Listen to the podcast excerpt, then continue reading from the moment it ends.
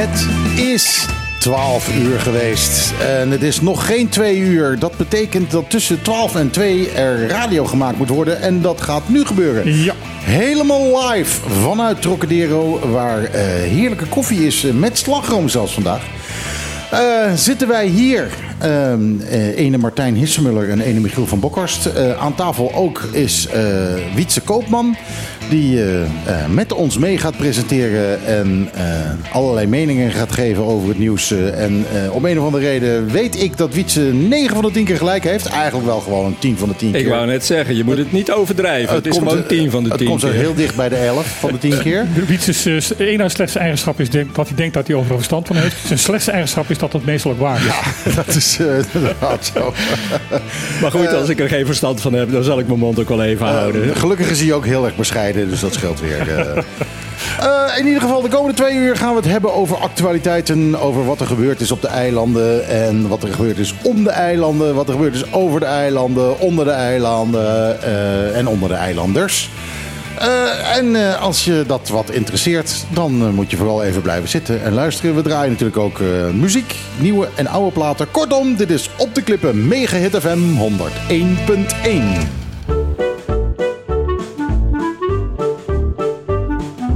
Iedere zaterdag tussen 12 en 2. Live met Michiel en Martijn. Wat een feest! Dit is op de klippen.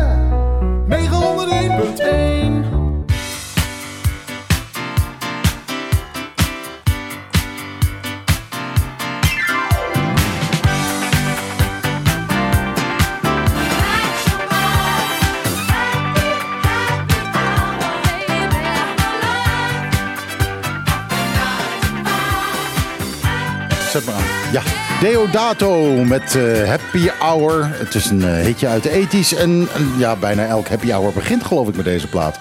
Eh, je hoort hem heel erg vaak.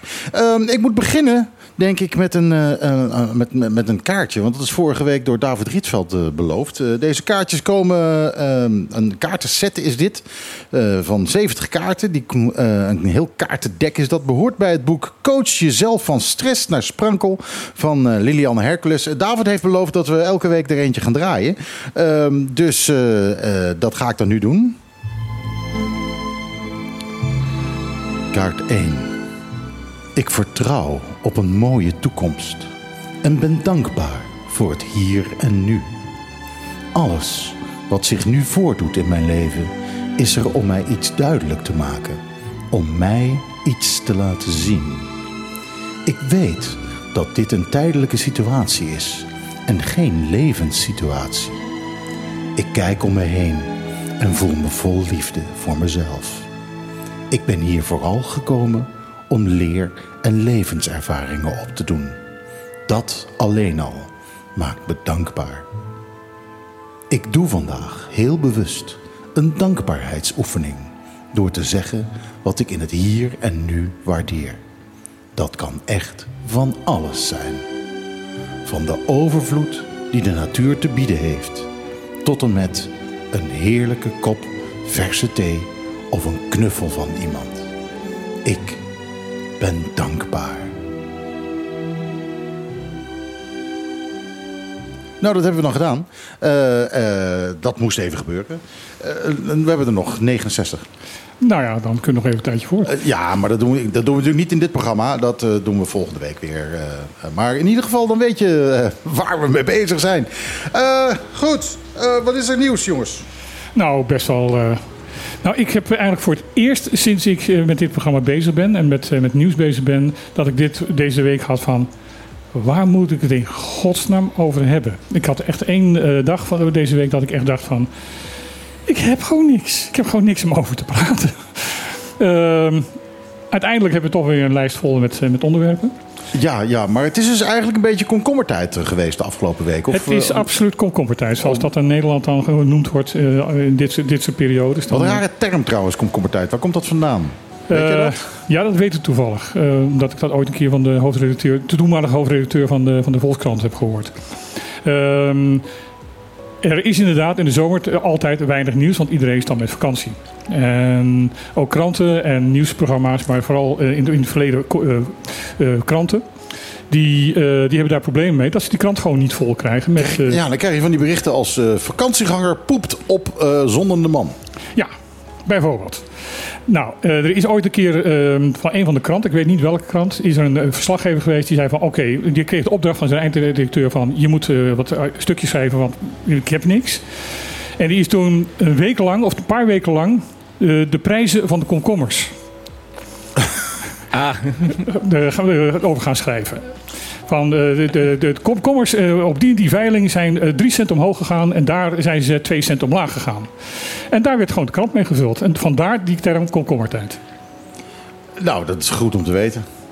Het is weer een dit- bijzonder interessant... Ja, eh, dit, is, dit, is al- ik- dit op zich is al een bewijs van komkommertijd, denk ik. eh, eh, Absoluut. al nou, als we daar dan de rest van het programma mee kunnen vullen... dan eh, denk ik dat iedereen eh, gekluisterd blijft aan Ja. de radio. ja, ja, ja. Die, die, die zijn geen stok meer voor de radio vandaan te krijgen. Dat denk ik ook. Dus ik, eh, ik moet maar wat leuke muziek eh, gaan draaien tussendoor. Eh, gooien we er een nieuws feitje doorheen? Of eh, ga ik maar meteen eh, door met de nieuwe single van Shania Twain? Ehm, Nou, je kunt natuurlijk eh, even laten zien dat dat wel meeviel met die komkommertijd deze week. ja, ja, ja, ja. ja. Ehm, we hadden allemaal eh, toch wel interessante dingen, maar die kwamen voornamelijk uit Den Haag, hè? Ja, ja, ja het eh, belangrijkste nieuws komt eh, deze week uit Den Haag. Ja. Terwijl En, die allemaal demissionair zijn. Ja, maar ze zijn nog steeds bezig om eh, enorm aan window dressing te doen. Bijvoorbeeld bij het bericht dat het minimumloon enorm omhoog gaat. En daar eh, hebben ze een percentage van 143% genoemd. Nou, dat lijkt natuurlijk echt geweldig. Ja, 143% van het, eh, van het, eh, eh, Van het huidige loon. nee, van, het, van het pijl. wat- Van het eikpunt. eikpunt, sorry. Van het eikpunt, ja. En daar zat natuurlijk de adder onder het gras. Want de afgelopen vier jaar hebben ze hun best gedaan in Den Haag om eh, het alleen nog maar te hebben over het eikpunt als het over een sociaal minimum ging. Een sociaal minimum is het geld wat je nodig hebt om gewoon een beetje rond te komen. En dat eikpunt, het ligt veel lager. Je hebt ongeveer anderhalf keer het eikpunt nodig, of zelfs nog meer dan dat, om in je levensonderhoud te voorzien. En nu hebben ze gezegd van, nou, wij gaan het minimumloon, dat is echt ons beleid, om het minimumloon te gaan verhogen met 143 procent. Nou, iedereen blij op Bonaire natuurlijk, die dachten van, oh, 143 procent, dat is wel Dat klinkt heel, veel. veel. Dat is ontzettend veel. Maar ja, als je dan eens kijkt eh, eh, wat dat nou eigenlijk betekent, en dat staat dan ergens in een bijlage bij die brief waarin die 143 procent wordt genoemd. Dan zie je dat eh, ja, die 143% is van dat eikpunt. En eh, het kan ook niet in één keer, want dat is een veel te grote stap. En eh, Dus dat Ja. gaat. Ja, ja. Dus, Ja, en dus, hoe lang eh, gaat dit duren voordat we bij die 143% ja, zijn? dat weet natuurlijk niemand. Want dat is helemaal afhankelijk van of de werkgevers het kunnen betalen. En eh, ja, die 143% is overigens eh, iets van 1400 dollar, eh, 1450 dollar. Terwijl je nu al 1600 dollar nodig hebt om eh, op minimum andere woorden- bestaan te kunnen leven. Dus, Dus zelfs dan heb, dan, je, dan heb je nog niet genoeg. dan Daar heb je nog steeds niet genoeg. Met andere woorden, eh 143% van het eikpunt is... eh, eh, is veel lager is- dan is- het sociaal ja, minimum. Ja. Is, is 100 eh, 143% van weinig is iets minder weinig. Ja, ja, nou ja, en dat is natuurlijk in het verleden altijd zo gedaan. Eh, hè, als, het, eh, als de lonen werden geïndexeerd met de prijsindex, ja, de prijzen gaan 4% omhoog, de lonen gaan ook 4% omhoog. Alleen, als de lonen ongeveer de helft zijn van wat je nodig hebt, dan heb je per saldo ieder jaar meer tekort. Ja, het probleem is natuurlijk al jaren dat het eikpunt, eh, sinds we een eikpunt hebben, standaard veel te laag ligt. Ja, en dat. eh, Leg eens uit, hoe komen ze in godsnaam aan dat eikpunt? Nou, eh, ze hebben gezegd, ja, weet je, het, eh, het kost wel zoveel, dat leven hier eh, op die beste eilanden. Maar het zou minder, minder moeten Maar zijn. het zou minder moeten zijn. En als we nou eens beginnen met te bepalen hoeveel het minder zou moeten zijn, dan noemen we dat een eikpunt. En ja, dat die mensen dan eigenlijk veel te weinig hebben, zelfs als ze een inkomen hebben op het eikpunt, omdat die kosten maar niet omlaag gaan, ja, dat is dan een probleem voor later. Uitstellen van de oplossing is het kenmerk van eh, Rutte 1, 2, 3 en Nou 4 ja, van, van alles wat Rutte is geweest. En het is natuurlijk de vraag wat er gaat gebeuren. Al meer dan twaalf jaar hebben we dat uitstellen. En we zien iedere keer dat er dingen worden gepland. Maar die worden altijd net gepland zo van... nou, dat is mooi voor de volgende regering. Ja, en dat is eh, nu weer zo. Nu eh, de regering eh, demissionair is, zoals het heet, is het nog maar de vraag of er eh, iets gaat gebeuren. Ja, er wordt niet doorgepakt. er wordt nog steeds niet doorgepakt. En eh, ja, het is nu dus ook een beetje afhankelijk van eh, wat de Tweede Kamer vindt, die in de afgelopen jaren ook nooit heeft doorgepakt. Maar ja, die kunnen zeggen van ja, op het gebied van armoede moeten we gewoon wel doorpakken. Nou, En even- zeker op het gebied van armoede in Caribisch Nederland, want Even- daar lopen we al twaalf jaar achter. Even uitleggen aan de, aan de luisteraars eh, die, die, eh, die dat systeem niet kennen. Eh, op het moment dat een eh, kabinet demissionair is, mogen ze eigenlijk geen eh, eh, de- docu- eh, eh, dossiers meer aanpakken die eh, politiek liggen. Dus waar nog politieke keuzes gemaakt worden. Want, want het, het, eh, het demissionair kabinet mag alleen maar op de winkel passen en geen nieuw politiek maken, want ze zijn eh, eigenlijk niet meer in functie. Ja. Ja. Ehm, maar Kijk- het is niet de, de, de- het kabinet die bepaalt. eh, wat, eh, wat, eh, wat dan controversieel wordt genoemd en wat niet controversieel is, dat is de Tweede Kamer die dat moet doen. Ja, en die hebben gezegd van nou, we nemen even tot 8 september om te bepalen wat wij niet controversieel gaan noemen. En dan is de rest, eh, die moet gewoon eh, stil blijven staan. Ja, maar er is wel een beetje herrie eh, in, eh, in het kabinet. Dat kan je wel zeggen, ja. Namelijk over de verlaging van de ouderbijdrage kinderopvang Bes-eilanden. Hoe zat dat ook alweer? een typisch voorbeeld van hoe je dus de kosten hier omlaag zou kunnen krijgen door de kinderopvang bijna gratis. Eh, hier zouden ze gratis willen, maar dat was al onbespreekbaar. Ja. Het, was, het zou bijna gratis worden. Terwijl alle ambtenaren ook van het betreffende ministerie zeggen van eh, gratis is even duur voor ons als bijna gratis. Ja, Want bij de het, eh, gratis hebben we het nu over 4%. 4%, maar dat die 4% innen hier, dat zou evenveel kosten als ehm, de kosten die het zou zijn om het helemaal gratis te, za- te Ja. maken. Dat was dus al totale onzin. Ehm, nu is opeens gezegd van ehm, de, de, ingang van 2025 zou dan eh, die kinderopvang hier eh, op de best bijna, bijna gratis worden. En nu is opeens gezegd, eh Carola Schouten, de minister van, ehm, van eh, Armoedebestrijding, die had gezegd van eh, ik ben het hiermee eens. De ambtenaren van haar ministerie hadden ook gezegd van hier zetten wij, dit is ons advies ook om dit te doen. Ehm, en opeens is er een enorme draai. er is al geld gereserveerd, hè? Het is gewoon... Ja, ja, alles- alles is al klaar. Alles is klaar. Je, je kunt zo beginnen. Ja. Maar... Opeens komt er een, een draai en dan zegt mevrouw Schouten van nee, nee, wa- want eh, dat kan eigenlijk niet. Want in 2007 pas worden, 27 worden pas eh, de ouders van eh, in, in Europees Nederland hoeven dan maar 4% te betalen. En het zou toch onrechtvaardig zijn als in de Cariben dat eerder zou gaan. Maar dit komt niet van Carola Schouten, want die was aan boord. Die was aan boord en die had ook eh, gezegd van, eh, van ik, eh, ik ben het hiermee eens. En ook haar ambtenaren waren het mee eens. Nu blijkt ook het advies van de ambtenaren opeens plotseling te zijn veranderd in van nee, we moeten het maar uitstellen tot 2000 2027. Ja, en het grappige is, nou ja, grappig in dit, in dit verhaal. Het ministerie van mevrouw Schouten is het ministerie van Sociale Zaken. En dat is ook het ministerie van minister Karin van Gemmen. Karin van Gennep. Aha. Dus er zijn twee bazen.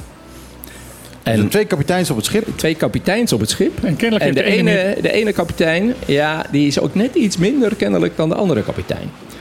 En het verschil zit hem in, eh, je bent minister van Sociale Zaken en werkgelegenheid, waar eigenlijk dan ook armoedebeleid onder valt.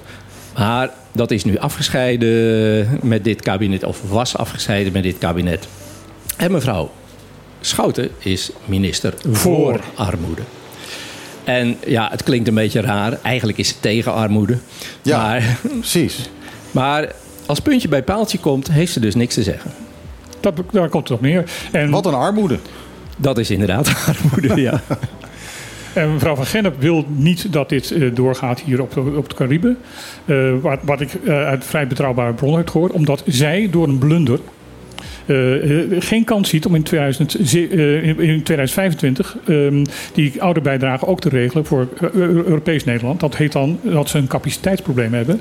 Nou, achter de scherm wordt gewoon gezegd van ze is gewoon, zij zijn gewoon vergeten om het voor 2025 te budgetteren. Maar wat nou zo interessant is, eh, dit kan gewoon hier eerder Ja? dan dat het in Nederland is, omdat dat zelfs in de fucking grondwet staat. Ja.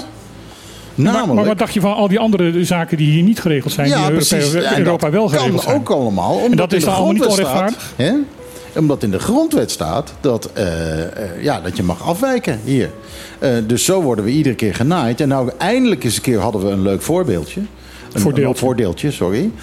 En dan gebeurt opeens dit. Ja. Dus dit is natuurlijk, ja, heel smerig. Zeggen ja, nee, we willen alles gelijk trekken. Nou ja, dat is natuurlijk helemaal niet zo. Ze proberen helemaal niet alles gelijk te trekken. Ze proberen alles ongelijk te trekken. Maar op het moment dat het in het Nederlands nadeel is, dan opeens, Mhm. Nou, ja, dan moeten we gelijk Het is nog erger, het is niet eens een Nederland nadeel, het is het nadeel van één minister. Ja. Die gewoon niet kan toegeven van dat eh, eh, haar collega het wel voor elkaar had voor Caribisch Nederland en zij het niet voor elkaar heeft in Europees Nederland. Van welke partij is Karim Vergende? De CDA. CDA. Het valt me op dat het iedere keer de christenen zijn die eh, moeilijk doen. Het is, eh, zijn meestal christenen. eh, het is of CDA of het is eh, de ChristenUnie. Die, eh, die, die iedere keer ons voor de bus gooien. Is Ja. me opgevallen. En Dat het wat- telkens de christenen zijn. En wat mij ook opvalt, is dat eh, mevrouw van, van Huffelen, de staatssecretaris van Koningsrelaties, die hier regie over zou horen te hebben, volledig aan de kant geschoven is en niets te vertellen heeft. Nee, maar dat had ze vanaf het begin al niet. Het is een heel ondankbare taak om eh, als taak te hebben het rijksbeleid van twaalf ministeries te coördineren. En de fouten van 12 jaar eh, Rutte te corrigeren. Ja, maar weet je, er is al sinds, nou wat is het, 2012, 2013 bekend dat die ministeries allemaal langs elkaar heen werken. Als oplossing is toen gekozen om de minister, de minister van Binnenlandse Zaken een coördinerende rol te geven. Maar die heeft geen enkele doorzettingsmacht gekregen. Dus het enige wat mevrouw Van Huffelen kan doen, is heel vriendelijk aan andere ministeries vragen: wil je mij van de informatie voorzien zodat ik kan coördineren? En als ik dan vind dat er iets gecoördineerd wil worden, wil je dat dan ook alsjeblieft doen? Het is dus een scheidsrechter die geen, geen penalty mag geven. Inderdaad, ze heeft geen enkele doorzettingsmacht. Dus ja, mevrouw Van Huffelen wil misschien wel van alles. En mevrouw Schouten wil misschien wel van alles. Maar die beslissen het niet. Dat blijkt maar weer. Ik heb een, eh, een nieuw singeltje. Eh, het singeltje is eh, Shania Twain. eh, samen met Anne-Marie. Of eigenlijk Anne-Marie samen met Shania Twain. Zo wordt het verkocht, want wie kent Shania Twain nog?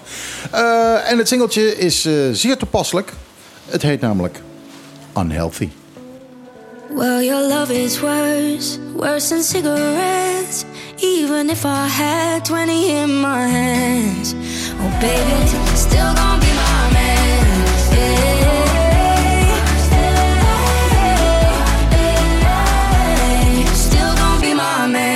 Ja, dit is heel erg eh, opmerkelijk, deze single van Anne-Marie en Shania Twain. Eh, omdat eh, Shania Twain dus de featuring artiest is.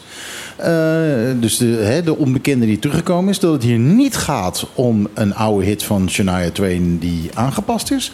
En eh, het is opmerkelijk omdat Shania Twain eh, een paar jaar lang geen plaat heeft gemaakt. Omdat ze de stem kwijt zou zijn.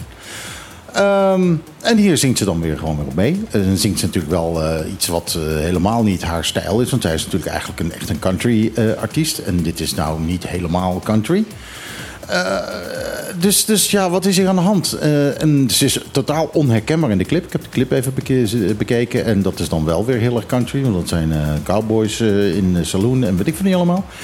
Maar eh, ze heeft rood haar nu. En, eh, ja, is heel erg, eh, ja, wat zullen we zeggen, opgemaakt. eh, eh, al van alles over haar hoofd heen gedaan. eh, met, met, dan, eh, het is eigenlijk een hoodie en daarbovenop een cowboyhoed.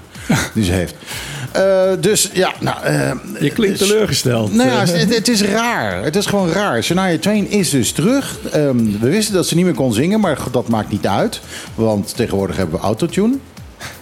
Eh, zoals je kunt horen is dit een heel erg geautotuned liedje. Dus ja, nou, hoe dan ook. jongens, Shania Twain is terug. Maar niet als Shania Twain. Dat wou ik even zeggen.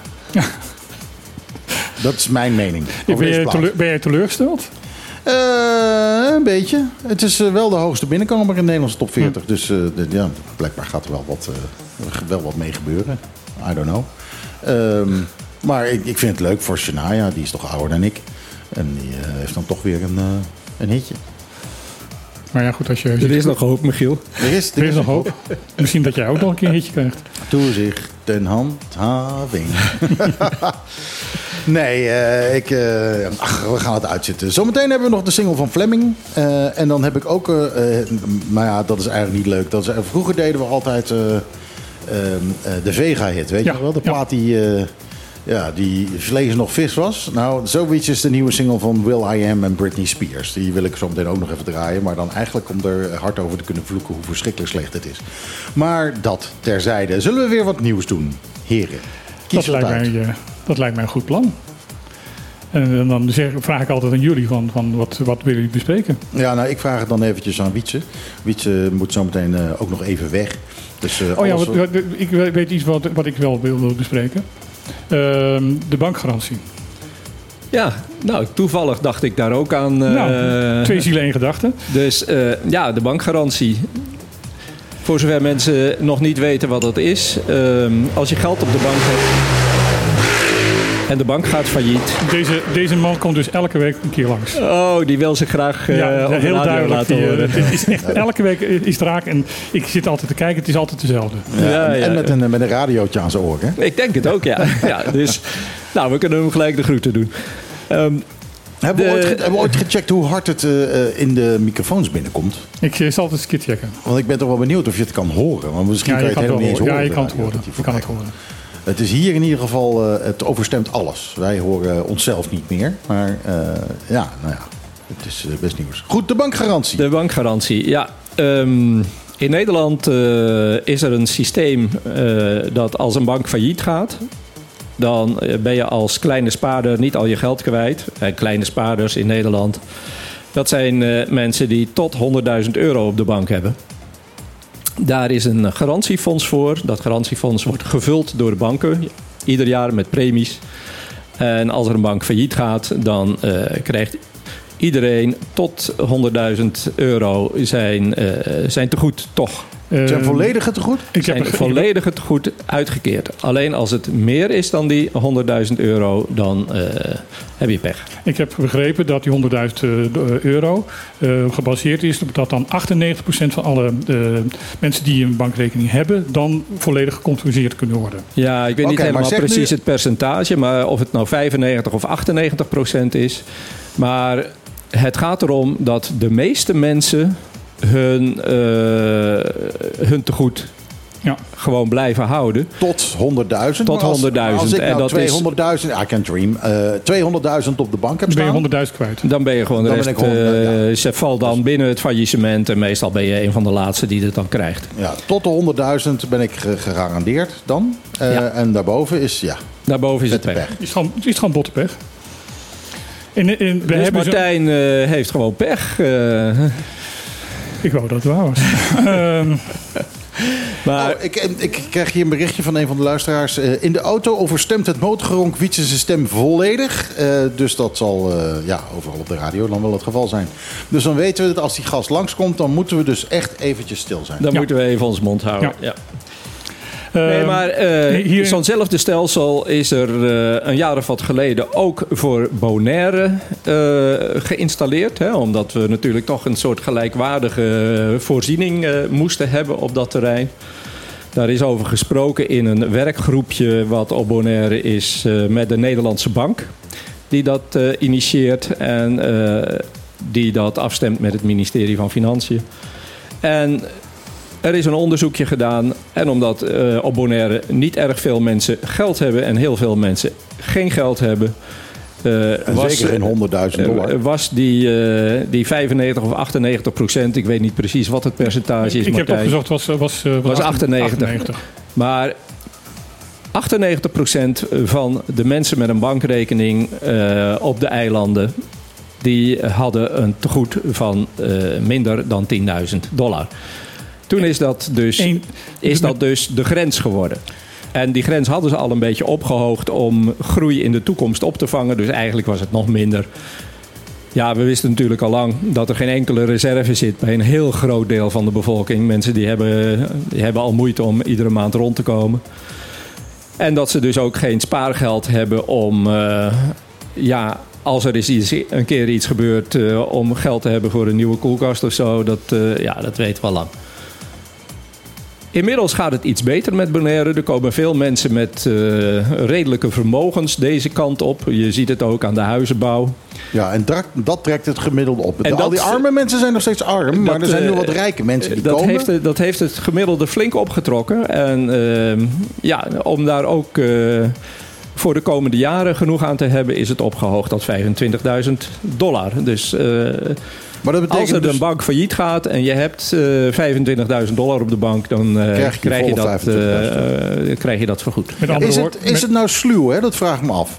Om, als je dan 25.000 dollar hebt. maar Stel nou, je hebt 50.000 dollar. Nou, dan moet je Omdat dat- zeggen, nou, weet je wat, ik begin gewoon, ik zet gewoon, ik open een nieuwe rekening. Daar zet ik ook die 25.000 nee, nee, nee, op. het gaat per persoon en niet per, per rekening. Dus Ja? het Het gaat, gaat, gaat per persoon en per bank. Dus eh, als jij 50.000 dollar hebt, dan, moet je de, dan doe je er goed aan om eh, het over twee banken te verdelen. Ja, oké. En dan wel. Dan wel. Want en als, je, als je nog een bank in, in Nederland hebt, dan kan ik je aanraden om een ton op Nederland te zetten. En, en dan 25.000 hier, eh, of eh, 50.000 als je nog meer hebt, over twee verschillende banken te verdelen. Ja, ja. Oké. Nou ja, dat is dan dit, dit vind ik nou een zinnige tip. Tenminste, voor als je zoveel geld hebt. Ik heb dat geld niet. Ik kan het bij één bank houden. Dat maakt geen bal uit. Ja, we hebben het over, dus over 2% van de bevolking. Ja, we hebben het over de nieuwe Nederlanders. We hebben het over. Ja, we hebben het over. We are talking about the 2% people. Ja, eh, eh, nou ja, eh, goede tip dan. Maar eh, we moeten dus eigenlijk in onze, in onze handjes knijpen dat het naar de 25.000 is gegaan. Ja, nou ja, voor heel veel mensen maakt het dus helemaal niet uit. Omdat ze sowieso eh, al eh, ruim onder die 10.000 eh, zaten. En ja, voor de mensen die wel meer dan 10.000 dollar op de bank hebben staan, ja, die is nu voor een wat groter bedrag gegarandeerd. Ja, en eh, op zichzelf eh, is dat mooi, maar eh, de, de, de, de mensen die arm zijn, die blijven gewoon arm. Ik bedoel, Weet je, zolang er eh, niets aan, de, aan het verschil tussen inkomens en uitgaven wordt gedaan, blijven mensen arm. En dat is waarom we al eh, Ja. meer dan 10 jaar met dit probleem zitten, al 12, 13 jaar. Ja. Ja, je, Nou, kunt je, je kunt je er niet rijk mee rekenen. Eh, dat is een mooi bruggetje. Nou, een volgend onderwerp. Of wil je eerst nog een, eh, nee, een liedje spelen? nou, nee, nee, als jij een volgend onderwerp hebt. Eh, namelijk eh, de rechtszaak. ja, nou ja, Hoe staat het ermee?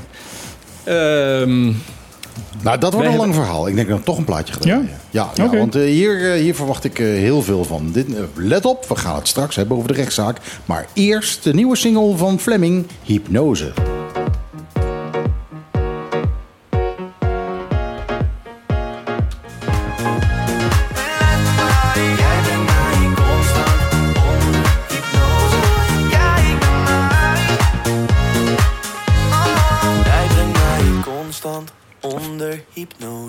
Hypnose. Fleming met Hypnose. Eh, ik, vind, ik vind hem altijd... Ik vind niks. Nee, nee, het Ik vind is echt helemaal niks. Het, het liedje is niks. Nou ja, er zit een leuke beat onder. Maar ehm, ik, er is iets, ik weet niet, ik heb een zacht plekje in mijn hart voor, voor Fleming. Hij is helemaal self-made met eh, liedjes die hij deed op YouTube en dergelijke. Ja, hij heeft het echt zelf gedaan. Pas, Ja. eh, pas toen hij populair werd, was er een platenmaatschappij die dacht... hé, hey, wacht eens even. Uh, wil ik deze gast eens een keer bellen?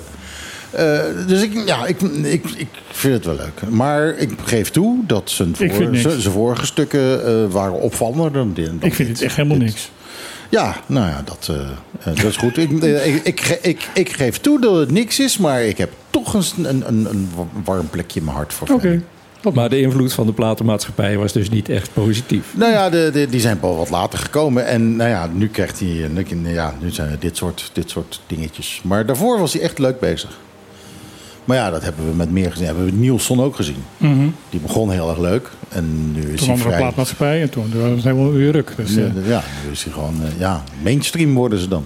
hoe komt het dat er zoveel plaatmaatschappijen zijn die gewoon eigenlijk niet snappen wat ze, wat, wat- ze moeten doen? Ik weet het niet. Dat is iets waar ik me altijd over verbaasd heb met artiesten. Eh, Ik heb er in het verleden met Sandy Kandau over eh, gehad. Die, hè, dan heb je een hartstikke goede zangeres. Die, nou ja, toen zij 20 was of zo, 19, 20, was het een, een beeldschone jonge, jonge dame. Die zong als een klokje. Eh, nou, en dan, ja, ze stond achter, eh, achter René Vroger als een van de Vrogets. En nou ja, dan is het leuk. Weet je wat? We gaan dat ontzettend mooi meisje gaan we eh, een eigen album geven. Nou, het album staat voor de helft vol met niemendalletjes. En voor de andere helft zijn het dance classics waar een beukende beat onder zit. En dat waren de singles. Ja, eh, dan, eh, eh, Dan weet je van tevoren al dat het dan, mislukt. dan weet je van tevoren dat, het, nou ja, dat je misschien net iets, een binnenkomer in, op nummer 40 hebt en die is de week daarna er weer uit. En nou ja, daarna ook andere producers die, die zeiden van ja, maar wij weten wel wat we met haar moeten doen, geef hem maar aan ons. Was nee, nee, nee, nee, die blijft gewoon natuurlijk bij de producer en het management van, van Vroger. John van Katwijk. Je zit daarbij, omdat het dus ook het management van Vroger is, dat Vroger dan een beetje bang is dat zij meer populair, po- populairder wordt. Nee, dat ze dan dat- gewoon laten mislukken. Vroeger interesseert het niet zoveel. Het is wel grappig, want ze waren dus... eh, eh, eh, vorige week waren ze hier. Ja. Eh, Mandy Huids, die heeft ook heel lang achter Vroger gestaan. Eh, die heeft meer dan twintig jaar eh, heeft ze backing voor hem gedaan. En die is op een gegeven moment eh, heeft ze eh, een eh, hele brave brief naar Vroger geschreven. En, eh, bedankt voor, eh, voor vele jaren... eh, vele jaren hè, eh, eh, leuk samenwerken, ik allemaal. En die heeft niet eens een antwoord gehad. die heeft gewoon, gewoon de ontslag ingediend en die heeft niet eens een antwoord Ja. gehad. Eh, we gaan het eh, wat later hebben, denk ik, over eh, de rechtszaak. Want Ja. Wietse moet even weg. Wietse moet eventjes een, een plichtpleging doen. Maar om even terug te komen op, die, eh, eh, op, op management. Ja, heel, heel vaak zie je, zie je dit gebeuren. Dat artiesten... eh, eh, ik heb zangeressen gezien die een heel mooi een eigen niche voor zichzelf hadden gemaakt. En dan komt de platenmaatschappij en zegt... Ja, we willen eigenlijk toch liever dat je meer iets, iets meer R&B gaat worden. En, en ja... Dan krijg je artiesten die helemaal niet uit de R&B komen, uit de rock, die opeens R&B-platen Ja. moeten gaan maken. En, en ja, daar, vond- zit hun hart niet in. En dat hoor je meteen. En het publiek, eh, ja, eh, ja, gaat daar ook niet voor. Ik vond het een van de meest interessante ehm, kanten van die film eh, over eh, Freddie Mercury. Eh, de- over, over Queen. De, de, het gevecht en de ruzie die ze constant met die platenmaatschappijen hadden. Om te doen wat zij vinden dat, vonden dat er moest gebeuren. Ja, ja, en dat gevecht heeft bijna elke band. Eh, die hebben een eigen idee en, en dan is er een management en een, eh, een, een A&R-manager, zoals dat heet, een artist en repertoire. Eh, die A&R-manager die eh, heeft een ander idee over wat populair zou kunnen zijn. Maar op, het moment dat je hem tegen een band vertelt dat ze iets moeten maken voor het publiek... op het moment dat ze je volgen, dan zit hun hart er niet meer in. Mhm. Nee, En, dan, en dan, gaat het, dan, dan gaat het achteruit. Dan is het gewoon niet, niet goed meer. Eh, en dat is, eh, ja, dat is heel jammer. Het, het is mijn eigen, ehm, mijn eigen ding ook. Mijn, ehm, eh, ik heb zelf heb ik twaalf jaar heb ik, hard meegedraaid in de, in die hitmachines. En ik heb nooit een hit gehad. En ik ben er heilig van overtuigd dat het komt omdat eh, met name mijn, mijn compagnon, die wilde alleen maar muziek maken waarvan hij dacht dat het commercieel was. En niet muziek waarvan hij dacht van, nou, dat vind ik lekker. En als je, ja, als je dingen gaat maken die, eh, ja, waar je zelf Maar je niet hart achter staat. nee, dan, dan, dan wordt het dus niks. En dan weet je van tevoren al dat het niks wordt. En eh, je moet gewoon dingen maken die jij eh, mooi vindt en waar jij Waar- achter waar je, staat. zelf, waar je Ja. zelf achter staat, Je moet- waar je, je- zelf in gelooft. je moet, je eigen ding doen. Alles wat met, met, met, met artisticiteit, eh, kunst en, en, en cultuur te maken heeft, moet je de dingen doen die jij zelf vindt dat er moet gebeuren. Ja. En dan is het leuk meegenomen dat het, dat het publiek dat op een gegeven moment dan ook vindt. Ja, en nou ja, goed, we zien, eh, als we dan teruggaan naar Fleming, eh, daar zien we dat dus een beetje gebeuren. Ja. Dat, eh, eh, hij, hoe minder grip hij zelf heeft op zijn, op zijn carrière, eh, hoe meer die eigenlijk ja, de weg kwijt is. Vandaar natuurlijk ook dat er steeds meer bands, en zeker grote bands, zorgen dat ze hun eigen platenmaatschappij hebben. Of dat ze het helemaal onafhankelijk en zelfstandig doen, wat tegenwoordig heel goed kan. Ja, dat kan zeker tegenwoordig. En, en vooral natuurlijk als je al groot bent en al een naam hebt. Ja. Dan, eh, dan kun je dat heel goed doen. Want je fans weten je wel te vinden. Ja. Maar ja, als jij helemaal niemand bent, als je gewoon een studentje bent van 18 eh, en je hebt een paar leuke liedjes geschreven, eh, en dan ben je heel erg blij dat er een platenmaatschappij zegt: Kom op, weet je wat, we gaan een beetje geld in jou steken. En dan denk je hoera, en dan ga je gewoon naar ze luisteren. Ja. En dat is ook niet erg, want ehm, eh, kijk, je bent een product. Eh, als artiest ben je een product. En eh, dat betekent dat je natuurlijk ook wel een beetje goed moet luisteren naar die mensen, omdat zij weten hoe ze je moeten marketen. Eh, Dus het gaat een beetje twee kanten uit. Maar ja, goed, ze, ze, ze marketen dus het verkeerde product. nou ja, dat, dat kan gebeuren. Want kijk, nou ja, toen ik begon was, het, was ik student. En was het, ja, je moet niet zeggen dat je student bent, want dat, ja, dat ligt slecht in de markt. Dat kwam Guus Meeuwis. Als student. Als student. Ja, een hit eh, van, en- van heb ik en- jou en die daar. rachte binnen drie weken naar de nummer één. En heeft Ja. daar toen twaalf weken gestaan of zo. Eh, en toen kregen we iedere keer te horen van de platenmaatschappij... ja, overal waar je binnenkomt moet je wel zeggen dat je student bent. Dus maar marketingmensen hebben gewoon geen verstand van marketing. dat, nou, dat, dat is heel vaak het geval, heb ik wel eens idee. Ze hebben geen, ze hebben geen, geen gevoel met de markt. Nee. Eh, Maar ja, goed, maar, maar ja, goed, ik, eh, ik had het vroeger wel. Ik kon, als ik een plaat hoorde, wist ik meteen... oké, dit wordt een dikke hit en dit wordt helemaal niks. En ik had altijd gelijk, maar ja, ondertussen ben ik een oude lul van bijna 60. Mhm. Dus ik, eh, nu kan ik het niet meer en niet meer raden. Als ik die nieuwe single van Will I Am en Britney Spears hoor... denk ik, nou, dit is, dit is, dit is Te erg geworden. Dat is verschrikkelijk. Maar ja, we gaan het zien. Het zal ongetwijfeld weer een nummer 1 hit worden.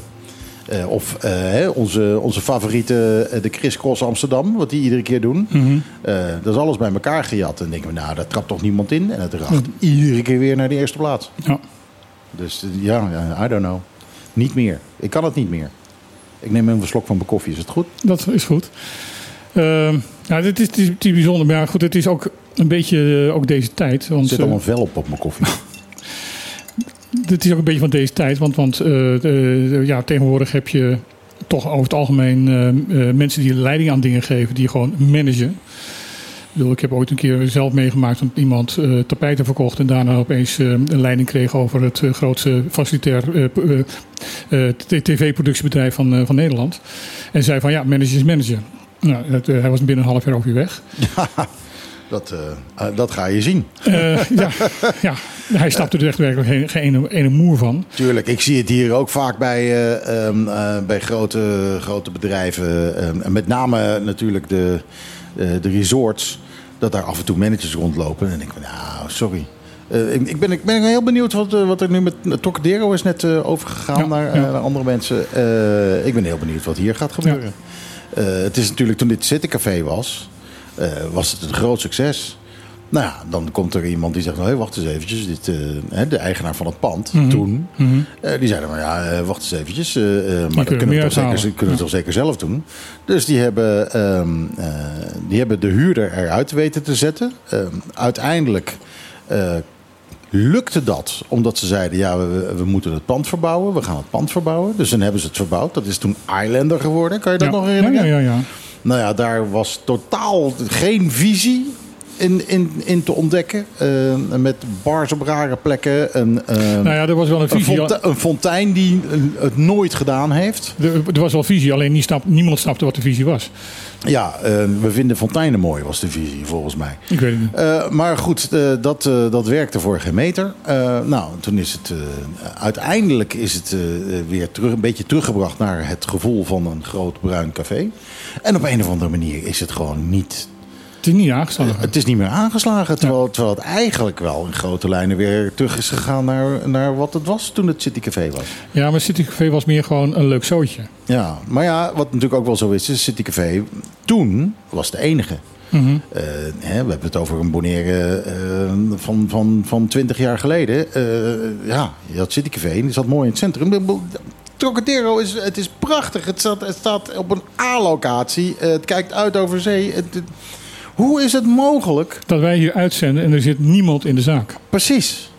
Wij, dus, er, er is hier gewoon wat te doen nu. Het is hier gewoon, gewoon leuk en gezellig. En, eh, en, en eh, nou ja, zetten als er mensen zetten luisteren- hier af en toe bands neer. Eh, je kan hier lekker je kopje koffie drinken. Je kan, je kan zeggen van, hé, hey, wacht eens even, dit onderwerp kan ik over meepraten.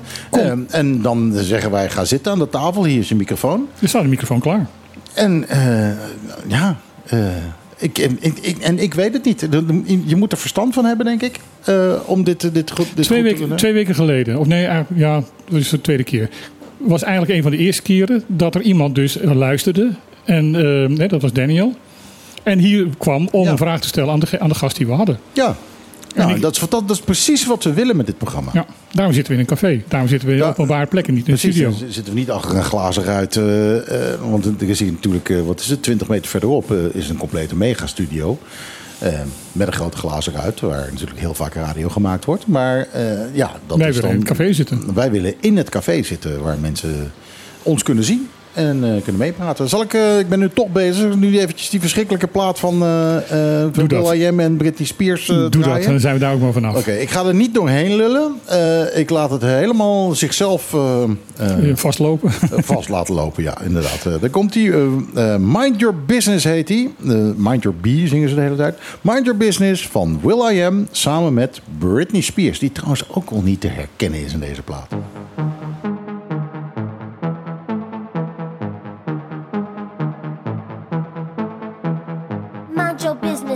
Business, bitch. Mind your business, ness, ness. Bitch. Eh, ja, nou dit is natuurlijk eh, eh, pff, bagger. Totale, complete superbagger is dit. Ehm, eh, gemaakt door Will.i.am, die natuurlijk altijd wel bagger maakt. Maar Over de tekst is echt jaren over nagedacht. Ja, dat is eh, heel duidelijk. Maar, maar goed, dan heb je dus Britney Spears. Dat is iemand die wel degelijk echt kan zingen. En die laat je dan dit doen. Vol met eh, autotune. Vol met autotune sowieso. Maar het is- het is niet eens herkenbaar meer als zijn Ja. Britney bitch. Behalve dat ze iedere keer bitch zegt. Eh, eh, ja, totale bagger. En ik voorspel, eh, over, over vier weken staat dit nummer 1. Ik ben bang dat je gelijk hebt.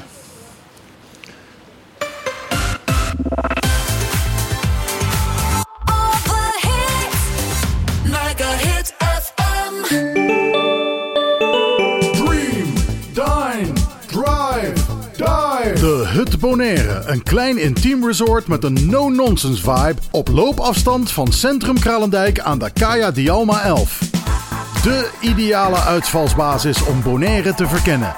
Kijk voor meer info op de socials of op thehutbonaire.com.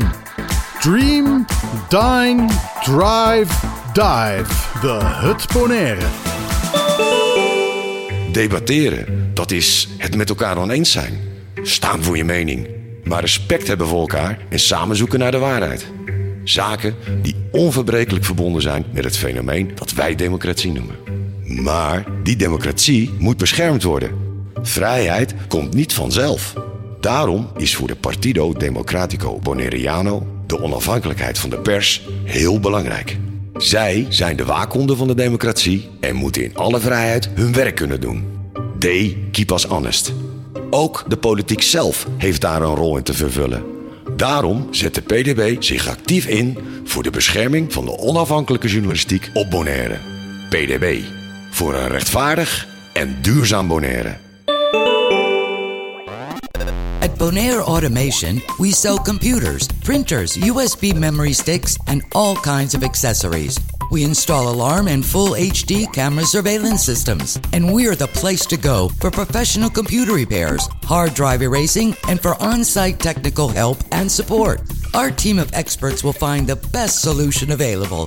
Feel free to drop off your old ink cartridges for recycling. Bonier Automation at the start of Kayaniki Boko South. Call us at 717 4306.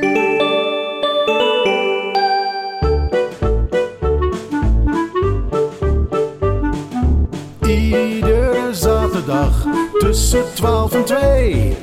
Live met Michiel en Martijn. Wat een feest! Dit is op de klippen. 901.1. Kijk, die tune, dat, wordt tenminste, dat is tenminste zingen. Ja, dat is echt zingen. Ja, Ja, en ook helemaal geen autotune. Nee, helemaal geen autotune. Nee, Absoluut nee, nee. Die Nee. was zo zuiver aan het zingen daar. Ja, dat is echt eh, fantastisch. Wat een zanger is dat. Niet te geloven. niet te Je, je hebt de carrière gemist, jongen. hey, eh, de Rotary, hè? Wat is dat eigenlijk? Eh, Rotary is een club van eh, professionals en, eh, en zakenlieden.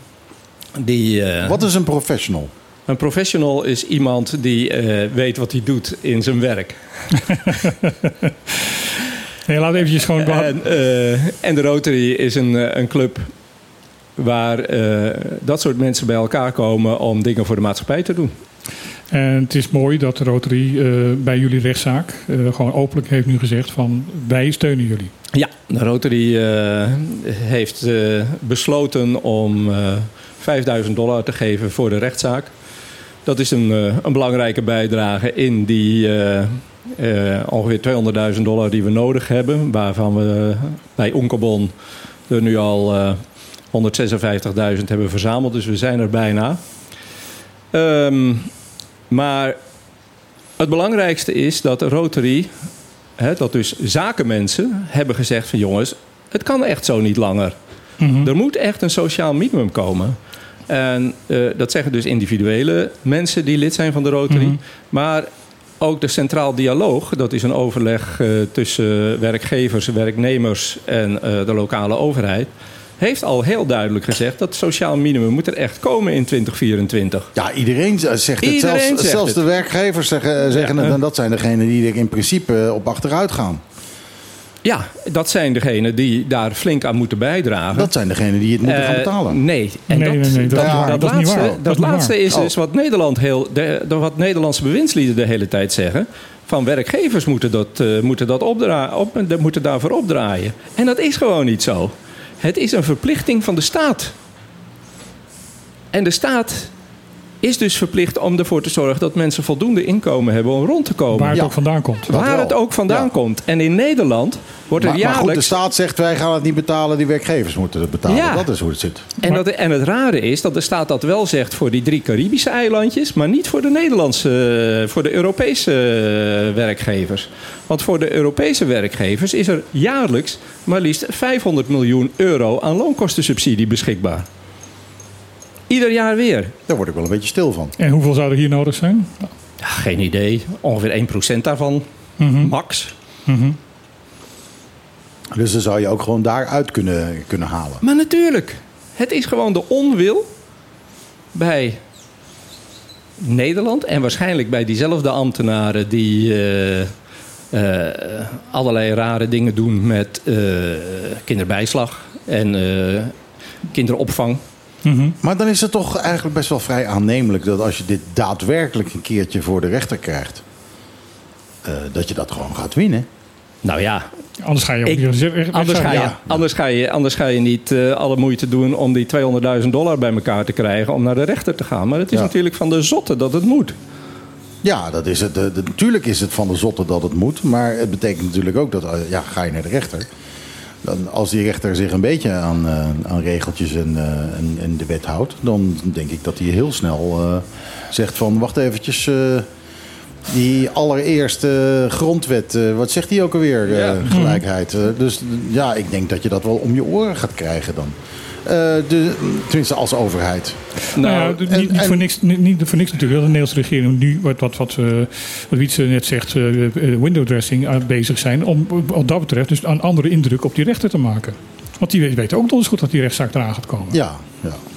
Ja, dus allerlei eh, kleine verbeteringetjes die in de toekomst gaan plaatsvinden. Die worden gepresenteerd alsof ze er al zijn. En die worden gepresenteerd alsof dat het, eh, de oplossing is voor het armoedeprobleem hier. ja.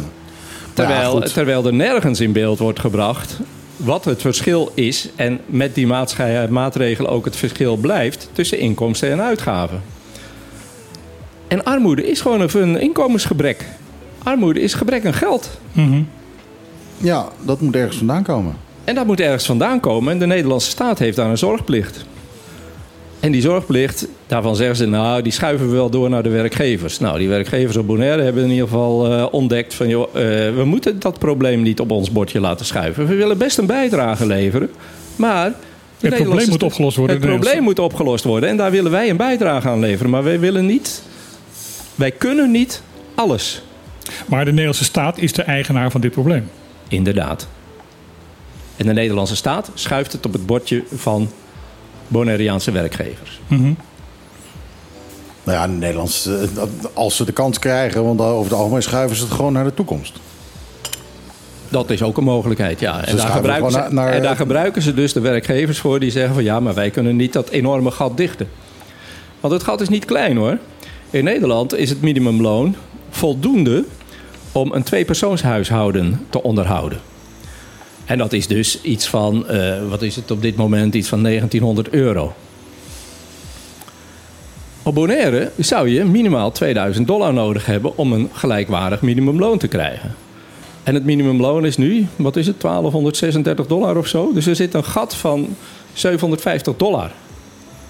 Dat kan je ook niet in één keer overbruggen met werkgevers bijdragen. Nee, dat kan de economie hier niet dragen. Nee, en in Nederland overbruggen ze ook nog een stuk van het verschil met allerlei toeslagen, met alle ellende van dien overigens. Maar in Nederland wordt het dus ook voor een deel overbrugd met Ja. loonkostenvergoedingen door de overheid aan bedrijven die veel mensen hebben met lage lonen. Maar is het niet mogelijk dat eh, als je. ja, ik, dit is toekomstmuziek natuurlijk. Maar eh, eh, dat je naar eh, de rechter stapt. Dit aangeeft. Aangeeft dat dit al twaalf jaar een, een, een bende is. Eh, is het niet zo dat, dat ze dan in Nederland op een gegeven moment zeggen van. dus dat die rechter dan kan zeggen van. eh, Oké, eh, kan me niet schelen wat, je gebeurt, wat er gebeurt. Je gaat dit nu, nu niet heel erg langzaam over tien jaar heen smeren. Ehm, je maakt die sprong maar. En als Nederlandse overheid heb je dat maar, maar bij te leggen dan? Ja, kan dat nou ja, niet? wat wij, wat wij dus aan de rechter vragen is van... verklaar het gedrag van de overheid onrechtmatig. Hè, net zoals ze dat bij Urgenda hebben gedaan. Mhm. De Nederlandse overheid, op het moment dat de Nederlandse overheid zich niet aan zijn eigen regelgeving en wetten houdt, dan zijn ze onrechtmatig bezig. En dat is een stevige prikkel om het eh, snel op te lossen. Nou ja, dat heb je gezien aan de, de hele Cliffgate in eh Sint-Eustatius. Ja. Waar ze ook constant weg gaan schuiven waren, weg gaan schuiven. waren. En toen kwam er inderdaad een, een, een dwangsom van de, van de rechter. En Ja. opeens werd er werd enorm veel haast gemaakt. Ja, opeens kan geregeld worden. Maar goed, dat, dat, is, eh, dat is eigenlijk wat je, wat je hier wil. Want eh, als het allemaal eh, even langzaam moet worden opgekrikt... eh, dan kijk je zo weer tegen 15 jaar armoede nog en aan. nog twee, drie, eh, eh, par- of de kabinetten verder. Die iedere keer weer zeggen: ja, nee, we moeten eerst alles onderzoeken, want wij zijn helemaal nieuw. Ja, inderdaad. Vooral dat inderdaad. Laten we eh, even opnieuw eh, gaan eh, zitten kijken. En misschien moeten we een nieuw uitpu- Ja, en- eikpunt gaan bepalen. En we moeten toch nog eventjes daar naartoe, want we willen toch met eigen, eigen ogen zien wat er allemaal gebeurt. Ja, precies. En dat kun je alleen maar goed zien met een Cuba Libre in je hand op het strand. Ja, Ja, dat eh, is met een mooi woord eh, bestuurlijk toerisme genoemd. hè. Dat, was een hele mooie term van Nijpels. Dat, ja, eh, dat was een hele mooie term. En, eh, nou ja, kijk, Onkelman zit in de tussentijd natuurlijk niet stil. Want weet je, die rechtszaak... We hebben in december vorig jaar een, eh, een dagvaarding eh, gestuurd. Van, eh, met een compleet historisch overzicht. En eh, ook een, eh, een zeer gedegen eh, juridische analyse van eh, wat het betekent. Dat is eh, van eh, Prakken en D'Oliveira, onze advocatenkantoor. Ganna Samkalde is de advocaat. En eh, daar hebben we eind april een reactie van gekregen van maar liefst 192 pagina's, waarin de staat eigenlijk vertelt dat ze heel veel vrijheid hebben om het in de tijd uit te smeren. En daar gaat het natuurlijk om. Hoeveel tijd is het nog behoorlijk en wanneer wordt het onbehoorlijk? Wanneer wordt het onrechtmatig? Nou, wij Ja, vinden 30 ondertussen ben je een generatie bezig bijna. Wij vinden, wij vinden mensen langdurig in armoede houden, eh, vinden wij niet rechtmatig. En als dat al 13 jaar gebeurt, dan is dat echt veel en veel te lang. En dat is wel echt wel aanleiding voor een rechter om te zeggen van... eh hoor eens, nu moet je het gewoon binnen een half jaar regelen, want het kan. Ja, dat is het ergste. Dat het gewoon kan. En we moeten ook blijven benadrukken van dat het geld wat er nodig is om het hier op te lossen... voor de hele Nederlandse overheid en de begroting peanuts is. Ja, het is een, een cijfer van eh, iets van drie, vier cijfers achter de komma van de Nederlandse begroting. Het Ik stelt echt helemaal niets voor. Ik en zat- als je bedenkt, weet je, dat in de, in de Nederlandse begrotingen staat ongeveer 450 miljoen voor die drie eilandjes, voor die nog geen 30.000 mensen. Die is in ieder geval in de begrotingen opgenomen van uitgaven. En dat zijn allemaal uitgaven die in Nederland worden gepleegd. Ja, en er is natuurlijk ook een stuk wat hier eh, wordt uitgegeven voor gezondheidszorg en weet ik veel wat. Maar ik denk dat de helft van die uitgaven hier nooit terecht komt. En op het moment dat je die 450 miljoen niet over 12 departementen verdeelt, maar in één pot stopt. En zegt van, joh, eh, jij bent verantwoordelijk voor die pot, los dat armoedeprobleem op. Dan is het binnen twee jaar helemaal weg. Ik heb het nooit begrepen. Ik zat gisteren zat ik naar voetballen te kijken. Naar eh, eh, Amerika tegen Vietnam. En eh 3-0, maar dat terzijde. Ehm Vrouwenvoetbal. vrouwenvoetbal. En Kon Amerika op- toch eens een van gegeven moment- Vietnam Op een gegeven beeld dat, dat, er, dat er dus... ehm, dat, wat was het? Eh, eh, 40.000 mensen zaten er in het stadion. Ja. 40.000. Wat zijn wij met de beste eilanden? Wij zijn met eh, nog geen 30.000. Nog geen 30.000. Nee, het is- oh nee, het is nog geen 176.000. stadion- het is nog geen Het is stadion vol. Serieus, het is niet eens een stadion vol. En, en, en er wordt van alles bedacht eh, om ons maar niet dezelfde, eh, dezelfde rechten te geven. Dat is toch Ik vond, bizar? ik vond het heel opvallend eh, toen eh Clark Abraham hier zat te vertellen over de Holland-eilanden. Ja. Waarbij hij vertelde van eh, wat daar gebeurt is gewoon dat er wordt gekeken van de bevolking van Holland eh, is zoveel procent van, van Finland. Dus je krijgt gewoon zoveel procent van de, de, de belastingopbrengsten van Finland. En dat bleek eh, ongeveer dubbele te zijn van wat, wat, wat hier eh, eh, eh, binnenkomt. Ja, je bedoelt als je dezelfde regel zou... Als je dezelfde regel hier zou houden, Ja. houden van dat van ehm, we hebben hier 30.000, eh, nog ja, krap 30.000 inwoners, dat is zoveel eh promiel denk ik van, van de, de, de Nederlandse eh, bevolking. Dus zoveel, Ja. dat, dat percentage krijgen wij hier ook als, als ehm, geld om hier eh, te, ja, te kunnen gebruiken. Oh, en het zou heel goed kunnen dat dat percentage ook wel wordt toegerekend aan de eilanden. Alleen we krijgen het niet. Ja. Nee, ik, ik zit te bedenken, van, er zit een, wat, wat jij vertelt, van eh, de meeste dingen die worden weer in Nederland zelf uitgegeven. Eh, dat is eigenlijk hetzelfde wat Nederland altijd heeft gedaan met ontwikkelingshulp. Je, de, Afrikaanse landen kregen heel veel ontwikkelingshulp, maar ze moesten het eh, verplicht in Nederland uitgeven. Ja, we zijn wat dat betreft nog steeds eh, echt eh, handelaars. eh, en slimme handelaars die heel hard roepen hoe goed we zijn. Met onszelf rijker te rekenen. Met andere woorden, Nederland probeert rijk te worden over de, de hoofd van de eigen bevolking. In dit geval eh, zou je een soort neocolonialisme eh, best... eh, ja, ik vind dat eigenlijk best wel een toepasselijke kreet, ja. Ja, nou ja, we moeten gewoon gaan zien wat die rechter gaat vinden. Uiteindelijk zal het daarop neerkomen. Kijk, Maar- wij, wij hadden nog goede hoop dat, eh, omdat de druk op de regering toch wel erg hoog werd, dat er eh, toch in 2024 een sociaal minimum zou worden ingevoerd. Hè. En dat is iets anders dan het vaststellen. Want als je het vaststelt kun je altijd zeggen van ja, maar we moeten het stapsgewijs invoeren. Hè, dat doen ze iedere keer. Maar als het echt invoeren, en daar waren, eh, toch wel, was vanuit de Kamer toch wel behoorlijk druk op gezet. Alleen ja, nu het eh, kabinet demissionair is, eh, is het maar de vraag of de Kamer die druk nog steeds op dit onderwerp wil doen. Want er liggen in Nederland natuurlijk ook een aantal dossiers die eigenlijk geen uitstel dulden.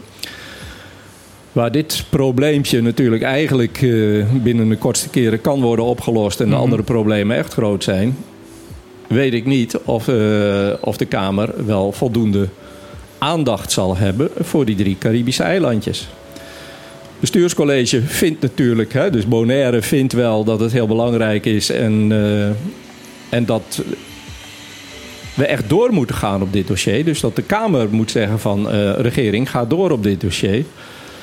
En daarom zou het ook heel goed zijn als eh, er vanuit Bonaire weer een gezamenlijke actie komt, een gezamenlijke brief komt van niet alleen eh, maatschappelijke organisaties als Onkebon en vakbonden en weet ik veel wat, maar ook van het BC. Waarin de regering wordt opgeroepen om gewoon door te gaan op dit dossier en het niet controversieel eh, te verklaren. Ja, het, maar het is heel bizar. Hè? We, wij halen gewoon het nieuws in Nederland niet. Dat hebben we gezien met die demonstratie, eh, wat is het, twee, drie maanden geleden. Nee, maar dat hoeft ons niet te weerhouden om een gezamenlijke brief aan de Kamer te sturen. Eh, we zijn ook al bezig met een, eh, met een gezamenlijke brief aan de koning. Die dan door maatschappelijke organisaties wordt, eh, door maatschappelijke organisaties wordt ondertekend.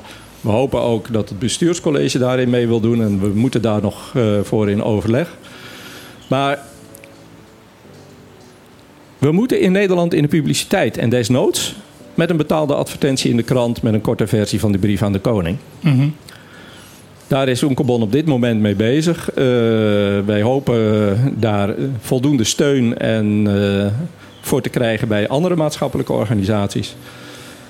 Eh, ja, het is eigenlijk voor het eerst dat we dit nu in de publiciteit brengen. Meestal doen we dat eh, achteraf pas als we het allemaal voor elkaar hebben. Maar wij hopen echt, gegeven het feit dat het ook op 12 mei zo goed lukte met die demonstratie, om iedereen op één lijn te krijgen. Dat is echt nodig om nu de Kamer zover te krijgen dat er voortgang wordt geboekt op dit armoededossier. En dat het niet weer eh, een jaar of anderhalf stil ligt.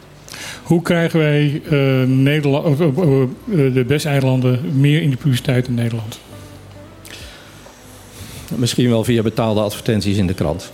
Gewoon een reclamecampagne. Een reclamecampagne, ja. Maar ja, goed, dat kost natuurlijk ook geld. Ja. Over geld gesproken. Eh, hoeveel zei je net dat er nog nodig is Nou, er is nog een... eh, voor, ehm, voor de, de, de rechtszaak? Ik denk dat we. eh, nou, we mikken nu op eh, in totaal 2 ton. We hebben al meer dan 130.000 dollar uitgegeven. Dus, en er moeten nog wat rekeningen binnenkomen. Dus het zal over de 2 ton gaan. Wij mikken voorlopig op 2 ton. En dan moet er nog iets van 50.000 dollar bij. Ja, waar moet het geld vandaan komen? Ja, Van, van ons. van ons. Van, van ons, ja, Ja. Dat, dat is sneu. Ja. Want het Ja. gaat erover dat we natuurlijk allemaal veel te arm zijn. Ja, maar er zijn eh, behoorlijk wat eh, mensen die minder arm zijn op Bonaire en die ook flink hebben bijgedragen. Ook bedrijven hebben al flink bijgedragen aan, eh, aan het fonds wat Onkebon heeft voor de rechtszaak. Dus juist de, de sterke schouders zijn de, de schouders waarop de rechtszaak rust. Dus mensen die voldoende inkomen, voldoende vermogen hebben om een bijdrage te leveren. Die voor een deel hebben die al een bijdrage geleverd. En we zijn nog steeds bezig om eh, mensen individueel te benaderen om, eh, om dat voor elkaar te krijgen. Daarnaast hebben we ook veel mensen die kleinere bedragen doneren. Op de website van Oekebon, oekebon.org, eh, kan je via een tabblad armoedebestrijding eh, kijken op welke bankrekening je dat moet storten. Dus onkebom.org slash armoedebestrijding. En dan, eh, ja, dan toon je in ieder geval solidariteit met de kwetsbare bevolking van Bonaire. Ook met kleine bedragen. Elke cent telt. Elke cent telt. Eh, absoluut. Ik denk dat het tijd is voor een plaatje. En dan wil ik het over iets anders hebben. En dan wil jij het over, over iets anders. Ja, we moeten het natuurlijk af en toe ook over iets anders hebben. Ja. Hier is Wax.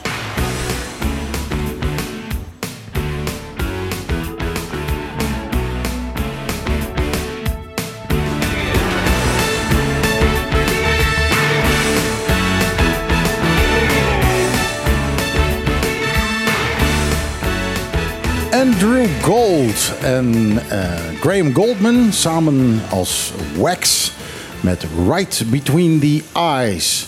Eh, we hadden het net over ten hemel schrijende dingen en eh, Martijn zegt, nou, we moeten het ook nog over wat anders hebben. Maar dat is misschien wel even goed ten hemel schrijend. Wat heb je klaar liggen, Wat ik klaar heb liggen is het, het, het relletje wat is ontstaan. naar aanleiding van een extra eilandsraadsvergadering. Waarbij, ehm, wat ook heel bijzonder is, eh, een aantal eh, zware overschrijdingen eh, van het budget in 2022 op, achteraf door de, eilandsraad is goedgekeurd. Waarbij dus de, de, de, de, oppositie daar niet mee eens was en de, de coalitie zei van ja hoor, is prima zo. Eh, dat vond ik al bijzonder. Maar wat eh, Clark Abraham als eh, leider van de oppositie ook nog eventjes aantipte... was dat van alle besluiten die in 2022 eh, of in, in 2023 zijn gemaakt... het afgelopen half jaar er niet één officieel gepubliceerd is... terwijl dat wettelijk wel verplicht is. En eh, punt 1 betekent dat dat dus wij als eh, burgers dus niet weten wat er allemaal besloten is, wat het, eh, dat het bestuurscollege allemaal gedaan heeft en wat het bestuur, het OLB, heeft gedaan. En punt 2 kan, omdat het niet gepubliceerd is, ook de eilandsraad zijn, eh, zijn controlerende taak niet uitoefenen. Ja, ja nee, het is natuurlijk. Het deugt voor geen meter. Nee. Laten we daar, laten we daar, Laten even over duidelijk laten zijn. we daar even over duidelijk zijn. Maar wat me wel opvalt dan, is dat dat pas in juli, als meer dan de helft van het jaar al voorbij is, kennelijk pas opvalt. Dus dat het pas in juli door de oppositie wordt opgemerkt. Dat, eh, dat die controlerende taak van de eilandsraad dus zo serieus wordt opgevat dat het in juli opvalt dat er geen besluiten zijn eh, gepubliceerd. Ja, dat is inderdaad wel opvallend, ja. ja. Dus hoe serieus neemt de eilandsraad zijn eigen controlerende taak, denk ik dan? Nou ja, dat, eh, daar kan je inderdaad eh, heel serieus over gaan praten. Van, van jongens, eh, wat, wat gebeurt hier? De Eilandsraad komt er pas na, na een half jaar de ontdekking van dat ze niet kunnen controleren. Dat is de ene kant. Dat vind ik echt heel ja, goed dat je dat even, even meldt. De andere kant is natuurlijk van, van ja, ehm, de, het bizar is van dat het niet gebeurd is. En dat er nu achteraf wordt gezegd van eh, oké, nee, we gaan dat nu doen en oplossen. En dat dan de reactie van de oppositie is van ja, het bestuurscollege uh, uh, belooft zoveel, maar die beloftes die, die, die geloven we niet. Met uiteindelijk het resultaat dat, eh, dat nu de, de, waarnemend rijksvertegenwoordiger, want hij wordt in het artikeltje wordt hij plaatsvervangend rijksvertegenwoordiger en dat is hij niet, hij is waarnemend. Een groot verschil. Eh, Jan Helmond nu eh, tot actie is gekomen en zowel de bestuurscolleges als van Bonaire, maar ook van Saba, op, zijn vingers, op hun vingers hebben getikt van jongens, jullie moeten dat, die publicatie van de be- bestuurscollege besluiten echt nu hard gaan aanpakken. En zorgen dat dat nu heel erg is, eh, eh, voor elkaar komt. Want transparantie van het bestuur is gewoon grondwettelijk geregeld. Ja, nou ja, goed. Kan, geregeld. als men er zich er niet aanhoudt, wat gebeurt er dan? Ik bedoel, toezicht, handhaving. Eh, eh, hè, er wordt dus duidelijk een beetje toegezien. nu, nu tenminste eindelijk. Na zeven maanden eh, is er iemand die zegt... nou, eens eventjes eh, eh, toezicht, nu een beetje handhaven. Maar als dat niet, eh, niet gebeurt... Ja, maar wie is, wie, wie is degene die toezicht houdt? ja, dat is toch de eilandsraad? Ja, dat moet de eilandsraad En waarom, doen. Die en hebben waarom, niet gebeurt er dan, waarom gebeurt er dan niet iedere maand of iedere week een vast agendapunt van eh, waarom zijn de eilandsraad of waarom zijn de BC-besluiten niet gepubliceerd? Ik vind, nou ja, goed. Dat, ik bedoel, dat is één middel om het te doen. En anders zeg je toch gewoon van ja jongens, eh, dit, dit kan echt niet langer als het eh, nu Het is niet voor... heel, heel bonaire, hè? Gewoon zeven maanden wachten en zo. Ja. Nee. Maar ja, het valt, maar, kennelijk, maar kennelijk vindt niemand het echt belangrijk. Nou, nou ja, dat is, dat, is het rare. Eh, NPB roept al de hele tijd... eh, ja, nee, we moeten openheid en duidelijkheid. En der, maar er wordt niet gecommuniceerd. Maar er wordt blijkbaar ook nog gewoon... Nou ja, nou ja, dit, is, gaat, dit is natuurlijk puur communicatie. Dit is Eh, puur communicatie. Nee, nee, nee, nee, en, nee, nee, nee, dit is, en- wettelijk verplichte dit, dit is, communicatie. En, en de Bie is, is dit communicatie. Ja, dat, nou, nee, precies. Het is een gebrek aan communicatie en dus communicatie. Maar En ik vraag me af, weet je, wat ik me afvraag is... is het ondersteunende apparaat van het bestuurscollege... wel in staat om de BC-besluiten te publiceren? Want zo ingewikkeld kan het toch niet zijn? Maar toch gebeurt het niet. En ik denk niet dat Dit- dat dit- is dit zou omdat altijd- het bestuurscollege zegt van publiceer ze maar niet. Ja, dat zou natuurlijk kunnen. Maar ik sluit niet uit dat het gewoon onvermogen is van het ondersteunende apparaat. Zou het ook kunnen dat er gewoon eigenlijk helemaal niks besloten is? Nee, nee, nee, nee. Ehm, en en ik, ik heb wel een, een, een, oh, een reden waarom het, of tenminste, ik heb wel een, een, een, een vermoeden waarom het opeens nu naar boven komt. We hebben een andere griffier. Van de Eilandsraad. Van de ja. Eilandsraad. Ja, dat zou kunnen. Dat het eh, de griffier is opgevallen en eh, dat hij het eh, eh, aan eh, een eilandsraadlid heeft verteld. dat het daarom... eh, dat vermoeden heb ik. Dat zou zomaar kunnen, ja. Maar het gaat er niet alleen om wie het opvalt. Het gaat erom waarom gaat het mis. Waar gaat het mis en waarom gebeurt het niet? En, want het zou een automatisme moeten zijn. Het zou een automatisme moeten zijn. Het zou iets moeten zijn... Hè, want het moet gepubliceerd worden dan op de website van OLB. En misschien is er wel niemand binnen OLB die iets op die website kan zetten. Dat zou kunnen. Dat zou en dat kunnen. dat het probleem is. Dat er geen back-office ehm, eh, ingang naar die website is. En dat, dat mensen niet zelf erop kunnen zetten. Maar zelfs... Weet ehm, jij wat de paswoord is? I swear, ik heb geen idee. Weet jij wat de paswoord is? Ja, paswoord? Nee, maar het zou zo moeten zijn dat je het ergens in het systeem eh, sla jij de besluiten op en die zouden dan gewoon automatisch op die website gezet moeten worden. Dat automatiseren is echt niet moeilijk. Het is echt niet ingewikkeld. Ja, dat zou je zeggen. Hè? Nou, ik kan het niet hoor, Martijn. Nee, maar, de- maar- maar een beetje ICT'er kan het zo. eh, het zodanig eh, inrichten dat als je het op een, plek, een bepaalde plek eh, neerzet op de, op, op de server, dat het dan automatisch gepubliceerd wordt op de, op de website. Het zou moeten kunnen, ja. Ja, dat zou moeten kunnen. Maar het is wel moeilijk zwaar. En ik denk ook eerlijk gezegd dat, weet je, als, ja, ik moet er niet aan denken, maar als ik gedeputeerde was en ik nam een besluit en dat was in het belang van de bevolking... Dan zou ik dat nou dan buiten zou ik gelijk op de website willen hebben. Ja, jongens, kijk eens wat ik gedaan Kijk heb. eens wat ik gedaan heb. Ja. En als ik denk aan de vorige verkiezingen... wat er allemaal bekend werd... wat er eigenlijk was gedaan... Mhm. terwijl daar in die afgelopen vier jaar eigenlijk nauwelijks rugbaarheid aan was gegeven... dan denk je van ja jongens... Je, je bent Het is toch in je eigen belang om te vertellen wat je besloten hebt... en wat het gevolg daarvan zal zijn. je maar het gewoon waren- die van je eigen portemonnee op deze manier. Het waren natuurlijk wel hele rare verkiezingen. Want de partij die, eh, eh, die, die dik gewonnen heeft, eh, dat, eh, die, die hadden geen. Of die hadden een lijsttrekker die niks mocht zeggen. En eh, die, eh, nou, ja. Die ook daarna gelijk eh, eh, partijleider af was. ja. Dat, eh, dat, dat, dat, was, eh, dat was vreemd. Het was... eh, Dat was heel vreemd. Dat is, eh, dat- ik ga even een plaatje draaien en dan hebben we zometeen eh een gast weer. Eh, want ik denk dat we hier wel over klaar zijn. Hè? Dat het, eh, Nou ja, Toch? met dezelfde Clark Abraham ontdekte ook nog dat er op de, de, de begroting een post stond voor een gebouw eh, is, is slopen. oh ja, En dat daar eh, 930.000 eh, de dollar voor was, eh, was gereserveerd om een, een gebouwtje te slopen. Ja. En ik, ik heb ook eh, gezien van wat er dan precies was gebeurd. Ja, d- dat is ook vrij bijzonder. Dus eh, ik, ik kan daar verder niet veel eh, mijn vingers achter krijgen. ik zeg geef me een hamer, ik doe het voor de helft. Ja, ja dat, eh, dat, dat, dat gevoel had ik zelf ook. Ja, nou weet je wat? Geef ons twee hamers en dan... eh, Doe het voor, het, voor, voor hetzelfde bedrag. doen wij Is het voor nou hetzelfde. om dat Apna-gebouw van eh, waar het RCN in zit? Nee, nee, nee, nee, nee, Oh nee, nee, nee. ik wil even een geruchtenwereld in helpen. Waarom ook niet? Hier is First Choice met Dr. Love.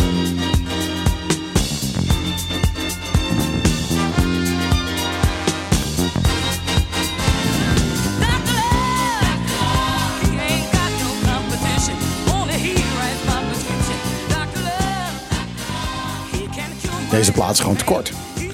Is nog geen drie minuten. En dan denk ik van, nou, dit zo'n zo'n lekker swingend plaatje moet je eigenlijk een 12 inch van maken. En die is er misschien ook wel, maar ik heb hem nog niet gevonden. First Choice heten ze en de plaat heette Dr. Love. Binnengekomen, Easy Does It. Niemand minder dan Easy Mercera. Isain Mercera, maar wij mogen hem Easy noemen. Easy come, easy go. Easy, easy going. Ja, hij is heel easygoing, eh, absoluut. Komt hier gewoon een beetje binnenwandelen met, eh, met die mooie strooien hoed van hem. En die brede glimlach. En die, eh, die big smile. En er zit een boel woede hoor, achter die, eh, achter die Ja. big smile. Nou jongens, Als zij gelukkig zijn, hebben we alle, alle ellende en alle armoede hebben we al besproken. Anders dan, eh, had hij er ook, ook nog wat over te Nu, zeggen. nu, nu gaat het nog even leuk worden. ja kijk, eh, goedemiddag. Ja, maar Easy zit daarvoor niet hier. Ja, en ja, je weet, het is eh, de voorlaatste zaterdag van de maand. Zoals we dat kennen, ben ik dan hier te gast. En eh, ja, dan natuurlijk, waarom ben ik hier? Voor Nochilea natuurlijk. Ja, zoals jullie zelf weten, ehm Bonaire die, ja, die heeft echt eh, heel veel talenten. Wij hebben onze eigen schrijvers. Ehm, laatst is het ook nog zo dat we weer nieuws stonden met onze jongens die baseball gingen spelen. Ja, dat hebben ze goed het gedaan. buitenland. Ja, precies. Die zijn net niet kampioen geworden. Die zijn helaas tekort geschoten in de finale, heb ik begrepen. Nee, daar zijn ze niet tekort geschoten. Als, Ja, je, nou- als je de finale haalt als klein eilandje Ja, tegenover ja, Amerikaanse ja, ja, teams, ja, ja, ja. ehm, de, de, de tweede plaats haalt, dan ben je winnaar. Ja, ja, ja. Dat is, dat is wel zo. Als je het zo bekijkt, ja, dan zijn ze in feite ook, net als iedereen had aangegeven, kampioenen. Dus eh, wat dat betreft. Dus, eh, ze Nou hebben ja, je bent eigenlijk de beste verliezer. Nou, nou, Nou, ik vind het hele Amerikaanse om alleen maar de winnaars en de rest zijn Ja. verliezers. Dat vind ik eigenlijk in dit geval Nee. gewoon niet opgaan. nee. Ik vind het ook echt geweldig dat Bonaire zo ver gekomen is. Ja, ja. Echt super. Ja. En ik vind het ook fantastisch hoe ze binnengehaald zijn. Ja, en daarnaast ook eh, met eh ja, Arte di Palabra. Eh, op, eh, volgens mij was het op Aruba. Daar hebben ze ook heel goed gedaan. Dus die hebben verschillende prijzen kunnen pakken. Dus ja, en daar gaat het echt dit keer om bij die Nochilea. Dus dit Nochilea staat in het, in het teken van Bonaire heeft talent. En eh, dan heb ik onder andere um, uh, juffrouw Monica Clarenda gevraagd ter gast te zijn. Want het idee is namelijk dat je niet alleen maar over de stukken hoort of over ehm, ja, wat ze meemaken. Of wat voor eh, competities er waren of zo. Maar dat je ook nog zeg maar, een beetje van die persoon zelf komt te weten. Dus zeg maar de verhalen achter die persoon zelf. Dus Monica dan komt even vertellen hoe die zeg maar inspiratie krijgt en dergelijke. En dat is altijd leuk om te horen. En daarnaast heb ik ook eh, een van de jongeren van eh um, Arte di Palabra gevraagd of hij zijn, haar gedicht kan komen voorlezen. En eh, ja, dus het wordt hartstikke leuk. Daarnaast, zoals jullie misschien ook weten, in oktober is er Mestin Bonaire. En dit keer bij Nochilea, dan zijn er twee van die zes deelnemers. Die komen ook een presentatie over, over het feit van hoe ze zich aan het voorbereiden zijn voor de Mestin Bonaire die in oktober zal plaatsvinden. Dus dan, eh, ja, dat, dat, dat is allemaal zeg maar dit keer te beleven in feite. Mooie meisjes. Ehm, waarom, waarom komen ze niet alle zes? ja, de bedoeling daarbij is zeg maar dat ik eh, de gelegenheid bied aan twee nu om te presenteren. In eh, eh, augustus dan komen er andere twee. En in september bij mij dan komen de laatste twee. Oh, Oké, Dus ze mogen wel allemaal. Het is Ja, niet zo dat er twee wel- toevallig het voorkeur Ja. hebben. Of, nee, eh, nee, nee, nee, nee. Ze Ja. mogen allemaal gewoon, maar Hij spreidt gewoon alle mooie meiden uit over drie maanden. Juist, zodat ze ook een beetje... Nee, zo ken ik je weer, Izzy. Ja, nou, dankjewel. Ik beschouw dat als een compliment. Dat is het ook, dat is het ook, absoluut. Nou, wat Ja, ik wel heel mooi vind eh, in wat je zegt, is eh, dat je ook duidelijk wil maken dat succes niet zomaar vanzelf komt aanwaaien, maar dat je daar heel hard voor moet werken. Juist, klopt, precies. En dat vergeten heel veel mensen nog wel eens. Ja, dat is ook zo. Dus dat, dat is in feite ook de bedoeling. Want net als u zegt, dus, ehm, het gaat niet alleen maar erom wat ze in feite bereikt hebben. Maar het gaat ook hoe ze daar terecht gekomen zijn. En dat is in feite ook heel belangrijk. Want dat op zich ook zelf is ook de cultuur van de mens. Dus zeg maar, die ene die heeft in zijn cultuur of haar cultuur dat ze schrijfster is. Die andere die is een honkbalspeler. Die andere is een voetballer. Die andere is een dokter, architect. Dus dan heb je dan te maken met verschillende gebieden. Die we met de tijd, moet ik eerlijk zeggen. Ja, de Bonaireanen die zijn nu ook, zeg maar, eh, ja, die met de tijd beginnen ze meer vakgebieden te kennen. Dus tegenwoordig kennen we onze eigen architecten op het eiland. Vroeger had je dat niet zo in feite zoals nu. Ja, daarnaast heb je ook te maken met eh, ja, verschillende ehm, competities op eh, basis van mode, sport. Dat we dus vertegenwoordigd worden in het buitenland. Dus Bonaire die heeft in feite gewoon talenten. En daar gaat het dit keer bij de Nochilea om. Nou ja, Bonaire heeft heel veel talenten. Ja, eh, de- ik heb al, toen, toen ik nog eh, les gaf op het mbo gezegd... van het ge- het verborgen kapitaal van, van, van Bonaire... is het talent en de creativiteit van de, van de jeugd. Juist. Dat vind ik ook. Dat vind ik echt ook. Dus ja, de jeugd vooral. Dus ja, die, die heeft echt zoveel talenten. Er is enorm veel talent op het eiland. En eh, wat, ik, wat me ook altijd opvalt, is dat heel veel van dat talent eh, zichzelf ontwikkelt. Ik ken Juist. verschrikkelijk goede muzikanten op het eiland. Die hebben het zichzelf helemaal geleerd. Die hebben nog nooit ergens in een klasje gezeten bij een leraar of wat dan ook. Die, zijn gewoon, die, die hebben gewoon een gitaar gepakt en zijn gewoon gaan plukken. En die hebben op hun eigen manier hebben die geleerd om gitaar te spelen. Ja, als en je piano hier, te spelen. Inderdaad, net als je zegt, als je ziet hier hoe Canto Criollo bijvoorbeeld in de afgelopen jaren wist te groeien.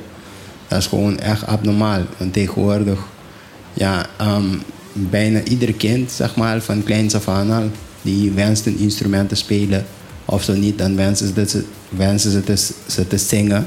Of ja, gedichten voor te lezen. Dus het is echt enorm. Dus eh, wat betreft talenten, wat Bonaire heeft. En daarnaast, ja, dan zoals normaal gesproken, ja, weet iedereen ook bij ons, wanneer je langskomt, laatste zaterdag van de maand, dan heb je dan die Nochilea, die je dan de culturele markt, zoals altijd. Dus dan heb je verse en eh, producten. En daarnaast ook, zeg maar, ehm, en dan komen we ook eh, genieten van lekkere lokale Creoolse gerechten. Dus het is van alles en nog wat te beleven. En dit keer zijn we er weer. Maar weer gaan we naar 's morgens. Want vorige keer was het een speciale editie die we juist hadden gehouden in verband met de viering van San Juan. Dus dan, dat iedereen het weet. Dus dit keer zijn we weer vanaf 10 uur 's morgens tot 3 uur 's middags. En ik zou zeggen, kom zelf langs om het te beleven. Want ja, je weet echt niet wat je mist, geloof me. Is er ook muziek? Tuurlijk. Ja, dan is er ook nog dus eh, live optreden dit keer van Dyrons Entertainment Band. En daar hebben we Carino als lokale band om de evenement af te sluiten. En Venezolaans fruit, heb je dat ook? Weet je, dat is toevallig een onderwerp die ja, de laatste tijd aan het eh, ja, zich aan het voordoen is. Natuurlijk ga ik nee zeggen, want zover zijn we nog niet. Maar ja, ik, eh, ja, ik, eh, wat betreft het onderzelf op zichzelf, ja, ben ik ook benieuwd naar hoe, het ver, hoe ver het zal komen. Dus met al die ehm, ja, dus uitladen en inladen. Toevallig op Facebook heb ik het kunnen volgen. Dus dan, het is in feite echt een hele, hele gedoe. Ik heb begrepen dat eh, die mensen alleen maar tot acht mensen mee mogen nemen. Nou, dat- en niet meer. Ik moet even voor de luisteraar uitleggen wat, waar, waar het hier over gaat. Want volgens mij zijn er heel veel mensen die niet snappen wat er over gaat. Er is dinsdag een bootje geweest eh, uit, eh, uit Venezuela. Het was de eerste keer sinds vier jaar dat hier weer een bootje uit Venezuela kwam. Iedereen was blij. Iedereen dacht van nou, die gaan dus in het eh, hutje wat hier tegenover ons staat... alles uitstallen en, en verkopen. En dat was dus niet zo. Dat was een grote teleurstelling. Ja. Want er zijn in vier jaar tijd heel veel regels veranderd. En onder andere is er, moet je een visum hebben om hier binnen te kunnen komen. Zeker als je uit Venezuela komt. Je moet 75 dollar betalen om hier binnen te komen. En eh, dat is voor eh, arme eh, Venezolaanse boeren die hier naartoe komen om spullen te kopen, is dat heel veel geld. Zeker als je dan een stuk of eh, vijf, zes mensen bij je hebt. Ehm, dat is nu opgelost tussen groot aanha- grote aanhalingstekens. door te zeggen van nee, ze mogen het niet zelf privé meer gaan verkopen. Ze hebben een uur, twee uur de tijd om hun bootje uit te laden. En dan moeten ze weer wegwezen. Ja, En dat betekent dus dat eh, de, de, de inhoud van een boot eh, wordt verkocht aan eh, verschillende supermarkten. En daar kan je dan de vers Venezolaans fruit en groenten eh, kopen. Wat ik heb begrepen, namelijk via de Facebook, was dat ze hier een vertegenwoordiger hebben van Salazar of zoiets. En dat ze dus naar, volgens mij is het Mang Enterprises gaat. En daar worden dan de goederen afgehaald van de supermarkt die ze bij die boot besteld hebben. En betekent dus dat er weer allemaal tussenpersonen in zitten die allemaal Ja, er weer aan moeten verdienen. Dus Ja. het wordt allemaal weer een stuk duurder. Duurder, Ik correct. wil gewoon iemand gewoon in die Plaza Machimimi hebben... Die, eh, die daar gewoon die dingen verkoopt, net Ja. zoals vroeger. Dat kan dus niet, niet meer, omdat er dus allemaal dingen zijn veranderd. En, eh, en dan denken wij zelf van jongens, uitzonderingen kunnen altijd gemaakt worden. Er is een heel mooi Nederlands spreekwoord. Uitzonderingen zijn de bevestiging van de regel. Ja, eh, of zet, zet desnoods een, een Bonaireaan die dat, dat dan eh, opkoopt en die, eh, die daar gaat zitten. Ja, maar ook dan zit er weer iemand tussen en wordt het dus weer duurder. Want die, als Ja. die Bondriaan het opkoopt, dan moet hij er ook weer wat aan verdienen. Nou, ik zou het ook niet erg vinden als het echt weer net zoals vroeger gewoon een vismarkt werd. Maar eh, ja, dat zie ik ook niet zo gauw Dat zie ik ook niet zo gebeuren. Nou, ik woon nog maar 20 jaar op Bonaire. Ik heb nooit een vismarkt gezien. Nee, ik wel. Ik wel. Maar, Ja. eh, maar goed, ik, eh, ik kom hier dan ook wel weer eh, wat langer dan 20 jaar. Ehm, eh, ik woonde hier al in 1979 en toen kon je daar heerlijk vis halen. Dat was wel, Ja. eh, was wel leuk. Tegenwoordig die- Als je nou wil weet weten je- hoe het eruit ziet, dan moet je, dan moet je ehm, eh, duel in de diepte kijken. Dan, eh, er zit een hele scène in eh, dat, dat daar de Nee, maar over die vis trouwens gesproken. eh, iemand, een Amerikaanse toerist sprak mij in een van de supermarkten aan. Zo van, waar kan ik gewoon hier gevangen verse vis krijgen? Ik, ik kon het hem niet vertellen. Bij, Ja, soms. bij Zarpin soms. Ja, Ja. Bij weer. Bij dinges heb je dat ook bij ehm, die Naast het Range Fishes, toch? Ja, naast de Ja. Rainfishes en ook nog verderop richting ehm, de Regatta voorbij. Daar voorbij, dan heb je toch die pier van de vissers. En soms komen die mensen ook nou, daar, heb, daar heb ik gewoon naar verwezen. Maar toen was je heel verbaasd van, zijn er dan geen winkels die dat verkopen? Ja, nee. Ja, dus wel. Maar Ja, maar er zit er weer iemand tussen en dan wordt het Ja, duurder. precies. Ja. ja Je exact. kan het best gewoon een visser aanspreken en zeggen... hé, hey, dat is een mooie tonijn. Geef maar. Ja. Of anders moet je bij de vissers thuis langs gaan. Dan heb je ook Nee, maar een dat is voor paar. een toerist, een Amerikaanse toerist, Ja. is dat natuurlijk vrij lastig. Tuurlijk, Ik bedoel, Als je ja. hier woont, dan weet je op een gegeven moment van, oké, ik moet daar precies, zijn. ja. Maar er zijn dus eh, ook, Amerika ook gewoon toeristen die gewoon zoiets hebben van... hé, hey, hier, hier wordt hier verse vis gevangen, eh, fantastische tonijn. Dat wil ik ook gewoon in mijn eigen appartementje kunnen, eh, kunnen, kunnen klaarmaken. En dat is eigenlijk heel jammer dat dat dus in feite eh, ja, heel erg lastig is. Ja, weet je, eh, als Amerikaan. Dan staat er ergens tabende aas. En, oh, is dat, is dat fish? Ja. Ja, dat gaat niet werken. Ik heb een plaatje, oud plaatje, leuk. Fox heet het. tussen de band heette Fox, eh, One Hit Wonder. En het plaatje heette, en het is echt een vergeten plaatje. Dit is er ook weer zo eentje. Dat gaat, Ron Gijs gaat me weer bellen en zeggen... Oh, die wil ik, Oh, die wil ik ook hebben. Single Bed. Of eigenlijk is het Single Bed. En, het is een beetje een stotterplaatje.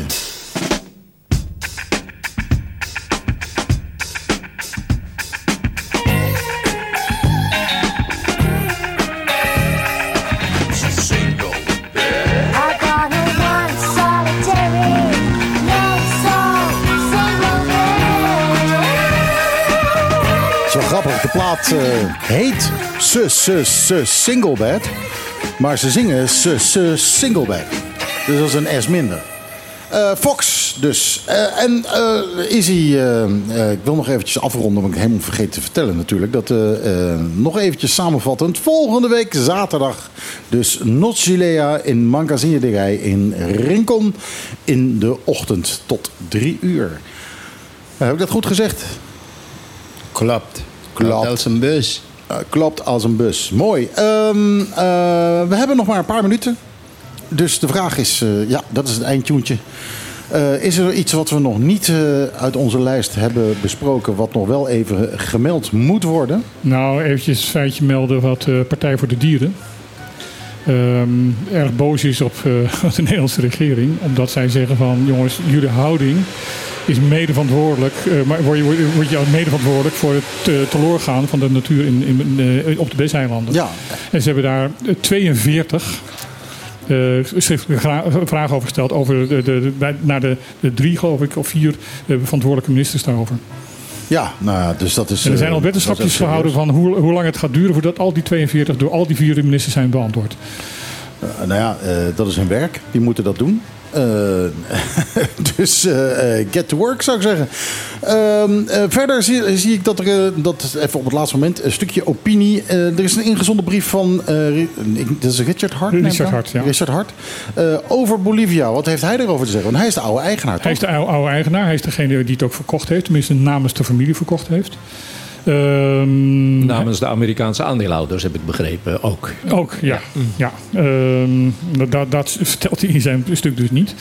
Ehm, hij reageert op een, een drietal eh, artikelen die in het, in, in het Antilliaans Dagblad hebben gestaan. ehm, aan de hand van eh, de Safe, Safe Plantation Bolivia. Die hebben daar Ja. eh, drie delen de geschiedenis van, van, van eh, Bolivia verteld. En hij zegt van jongens, er klopt geen hout van wat daar gezegd is.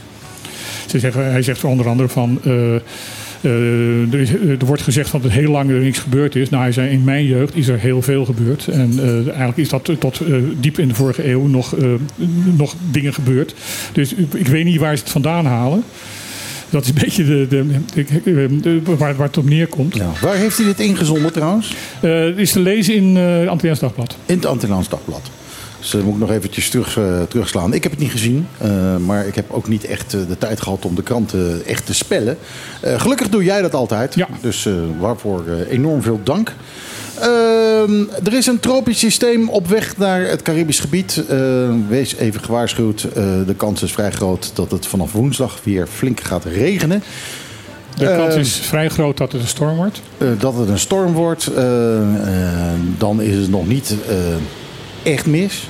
Nee, dat is nog niet echt mis. Omdat de verwachting is dat zodra ze het Caribisch gebied bereiken, dat eh, heel veel stormen eh, zwakken dan weer af. En het, eh, we gaan er wel last van krijgen, maar dat zal waarschijnlijk gewoon alleen maar flinke wind en, en veel regen zijn. Ja, dus jaag je waterrekening niet al te, al te hard omhoog met water geven aan je planten, want de natuur gaat daarvoor zorgen. Is een handje bij helpen. Heb je de kibberhaatje gezien? Oh, zo het mooi. was wel weer fantastisch, Ja, hè? Eh, Zeker die op eh Cerro Grande, eh, dat was Ja. echt een eh, fantastisch gezicht. Jammer dat het zo een, jong, zo kort duurt. Ja. maar- Ik kijk erop uit. Kibrahacha is een plant die maar één keer per jaar ja, in de bloei staat. Geel. Na, na een goed, eh, goede regenbui. En dat gebeurde dus eh, op de berg de afgelopen week. Ja, ik, ik zeg al, ik, dat ik, het ik, ik, kijk er elke dag op uit. Eh, het, is mijn uitzicht vanuit mijn huis. Sorry, wat zei je? Weten jullie zeker dat het de Kibrahacha is en niet de Brasilia misschien? Want ik ben zelf nog niet gaan kijken. van dichtbij. Nou, ik heb het ook niet van dichtbij bekeken, maar... eh, Iedereen zegt dat het kiwihartje is. eh, dus ja, dan, eh, maar, maar mensen die verstand van hebben. Dus dan moet ik ervan uitgaan dat dat eh, zo is. Ja, maar veel mensen die zeggen dat het een kibraatje is, want die kijken op afstand omdat ze dat gewend zijn dat het gaat bloeien. Dat het geel gaat bloeien, maar de palo di Brazil die bloeit ook precies hetzelfde. Dus dan moet je echt dichtbij komen om de boom zelf te zien voordat je gaat zeggen dat het een kibraatje is. Nou, kijk, daar word ik weer even op mijn nummer gezet. Dat is, dat Eh, is alweer hoog tijd dat we met het programma gaan stoppen. Eh, het is klaar, jongens. Eh, helaas, we moeten eruit. Dit was Op de Klippen voor deze week. Hartstikke bedankt aan Wietse Koopman dat hij hier zat. Graag gedaan. Easy Mercera, dankjewel dat jij er was. En ons eventjes op ons nummer zetten. Dat is altijd heel erg goed. Dus, aanstaande zaterdag allemaal naar Nos Gilea in Magazine die Rij. Dat is... eh, Da- Daarna naar ons luisteren. eh, en daarna naar ons luisteren. Of eh, eigenlijk vlak voor het einde. Hier naartoe komen? ja, vanaf 12 uur gewoon zeggen. het is leuk geweest, Nosilea. We gaan naar. We gaan naar hoe heet het hier? Trocadero. Trocadero, dat was het. Nou, we gaan naar Trocadero en dan even live bij op de clip aanwezig zijn. Deze in ieder geval is afgelopen. En wij zeggen een zeer welgemeend ajootje cadeautje.